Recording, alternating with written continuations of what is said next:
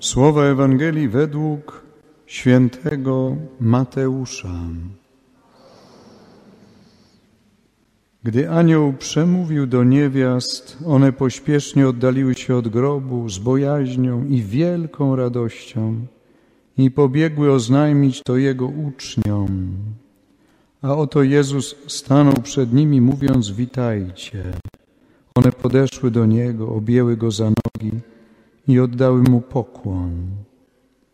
A Jezus rzekł do nich: Nie bójcie się, idźcie i oznajmijcie moim braciom, niech udadzą się do Galilei, tam mnie zobaczą. Gdy one były w drodze, niektórzy ze straży przyszli do miasta i powiadomili arcykapłanów o wszystkim, co zaszło. Ci zebrali się ze starszymi, a po naradzie dali żołnierzom sporo pieniędzy i rzekli: Rozpowiadajcie tak. Jego uczniowie przyszli w nocy i wykradli go, gdy spaliśmy. A gdyby to doszło do uszu namiestnika, my z nim pomówimy i wybawimy was z kłopotu. Ci więc wzięli pieniądze i uczynili, jak ich pouczono. I tak rozniosła się to pogłoska między Żydami i trwa aż do dnia dzisiejszego. Oto słowo Pańskie.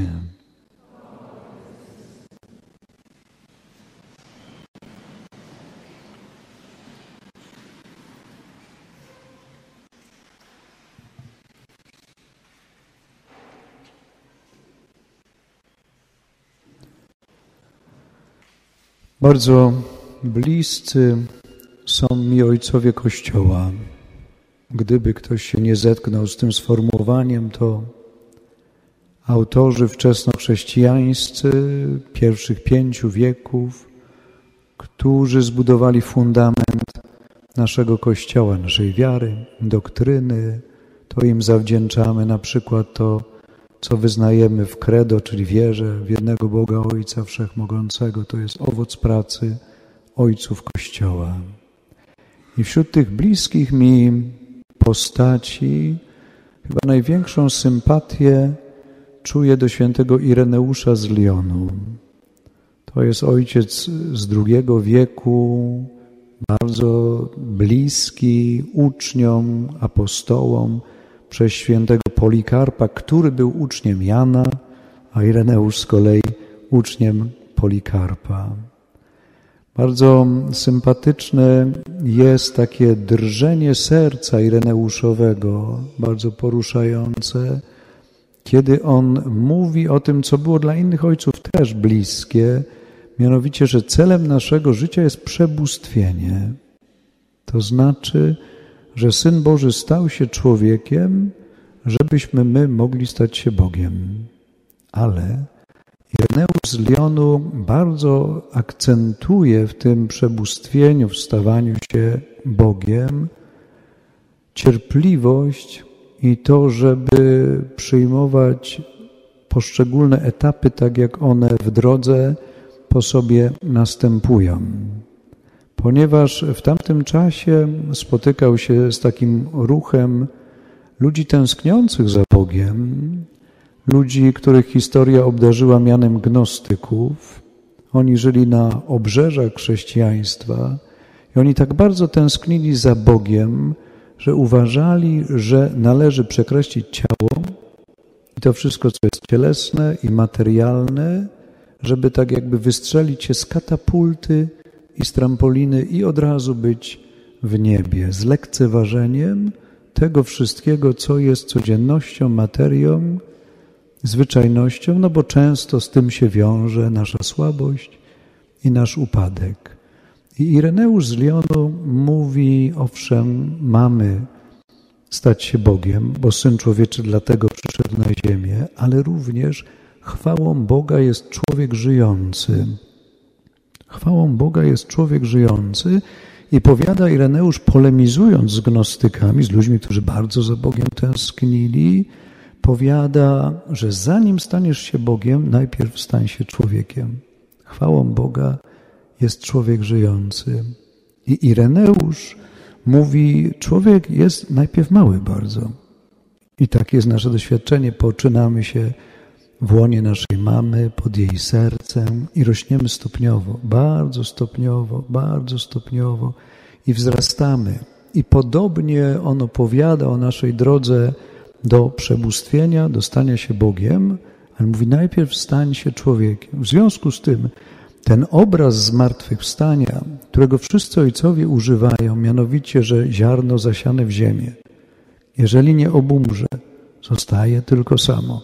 Ale jeżeli obumiera, przynosi plon obfity, oni oczywiście odnoszą do obumierania starego człowieka, bo tak mówią, że to obumieranie zaczęło się w chrzcie, myśmy zostali zanurzeni w grobie Chrystusa i razem z Nim wyszliśmy z grobu ku zmartwychwstaniu.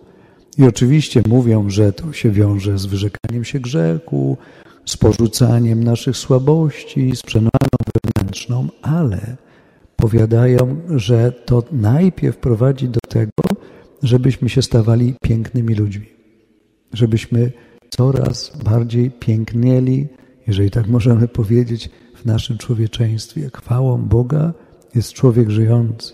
Najpierw stań się człowiekiem, żebyś mógł stać się Bogiem. Bo na przykład gnostycy bardzo chętnie spędzali wiele godzin na modlitwie i wiele godzin w kościele, zapominając o obowiązkach życia codziennego, o tym, co jest naszą materią. I Ireneusz, rozmawiając z nimi, powiedziałby: Owszem, modlitwa jest bardzo ważna, ale ona w naszej drodze do przebóstwienia prowadzi do tego, żebyśmy doceniali naszą codzienność. I to, że my sprzątamy, że gotujemy, że przygotowujemy święto, że dbamy o siebie nawzajem, to jest ogromnie istotne. W związku z tym, kiedy, jak powiedziałem na początku, rozmyślam o człowieku zmartwychwstania, kto to jest ten ktoś, kto jest prześwietlony światłem zmartwychwstania, to e, przypominam sobie różne postacie. Wczoraj o jednej postaci opowiadałem na jednej z mszy, więc dzisiaj o innej postaci opowiem.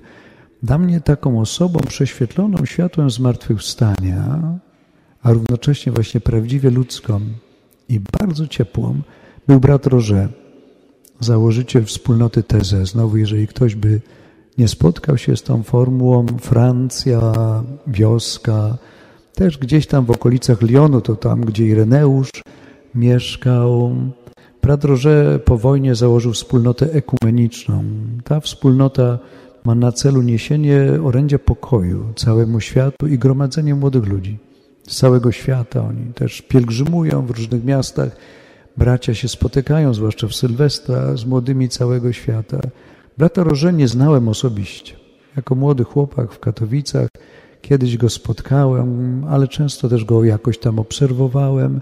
Natomiast ten moment, kiedy go zobaczyłem w kościele, to cały czas mam go przed oczyma i w pamięci, ponieważ to był ktoś taki, jak to lubię określać, przy kim chciałoby się usiąść. Było dużo miejsca przy tym człowieku. W nim było bardzo dużo ciszy i bardzo dużo milczenia. Dla mnie to gdzieś jest tutaj ten trop rozmyślań o stawaniu się pięknym człowiekiem dzięki powracaniu nieustannie do ćwiczeń ze zmartwychwstania, czyli dzięki temu, że to ziarno obumiera, po to, żeby wydobyło się całe piękno człowieczeństwa, które Bóg we mnie złożył i stopniowo w ten sposób ja dojrzewam do przebóstwienia. Dla mnie to jest właśnie gdzieś takie marzenie, również o tym, żebym ja się kimś takim stawał, no bo jak to mówię, to dzielę się czymś, co jest moim marzeniem i moim pragnieniem, żeby przy mnie było dużo miejsca. Tak jak przy bracie Roże z Teze. A to znaczy, że jest dużo ciszy, dużo przestrzeni, można usiąść, można powiedzieć, jest dużo słuchania, nie trzeba mówić, jest dużo cieszenia się przyjęcia siebie nawzajem, gościnności. Brat Roże kimś takim był. I takich ludzi jest bardzo, bardzo potrzeba. Ja dlatego nie opowiadam, bo chcę Was zaprosić do Waszych poszukiwań. Kto właśnie, no wiadomo, że nikt z nas nie objawia perfekcyjnie i w doskonały sposób tego, co jest światłem zmartwychwstania, ale kto ma tę cechę taką, taką, taką, gdybyśmy mieli pozbierać, no właśnie to gdzieś byłoby nasze rozmyślanie o byciu człowiekiem zmartwychwstania i wiąże to z Ewangelią naszą. To jest bardzo ciekawe, bo jak Pan Jezus mówi, niech się udadzą do Galilei, tam mnie zobaczą. To takie ciekawe sformułowanie, że mają iść do Galilei, tam mają go spotkać. Pan Jezus tam się właśnie w Galilei objawia, zmartwychwstały, spotyka uczniów, ale Galilea to jest również ta przestrzeń, taka też no, geograficzna, krajobraz, to miejsce, gdzie uczniowie razem z nim, chodząc po Galilei właśnie, uczyli się człowieczeństwa. To znaczy, żeby stawać się prawdziwie ludźmi, czyli takimi, przy których można usiąść, przy których jest bezpiecznie, przy których jest dobrze, którzy się uśmiechają, którzy są otwarci, którzy są gościnni, którzy są rozumiejący. To jest Galilea. To jest właśnie piękno człowieka, które się objawiało w uczniach, w świętym Ireneuszu z Elioną, bracie Rożesteze, w różnych ludziach nas. Niech Duch Święty nas prowadzi w stawaniu się ludźmi zmartwychwstania.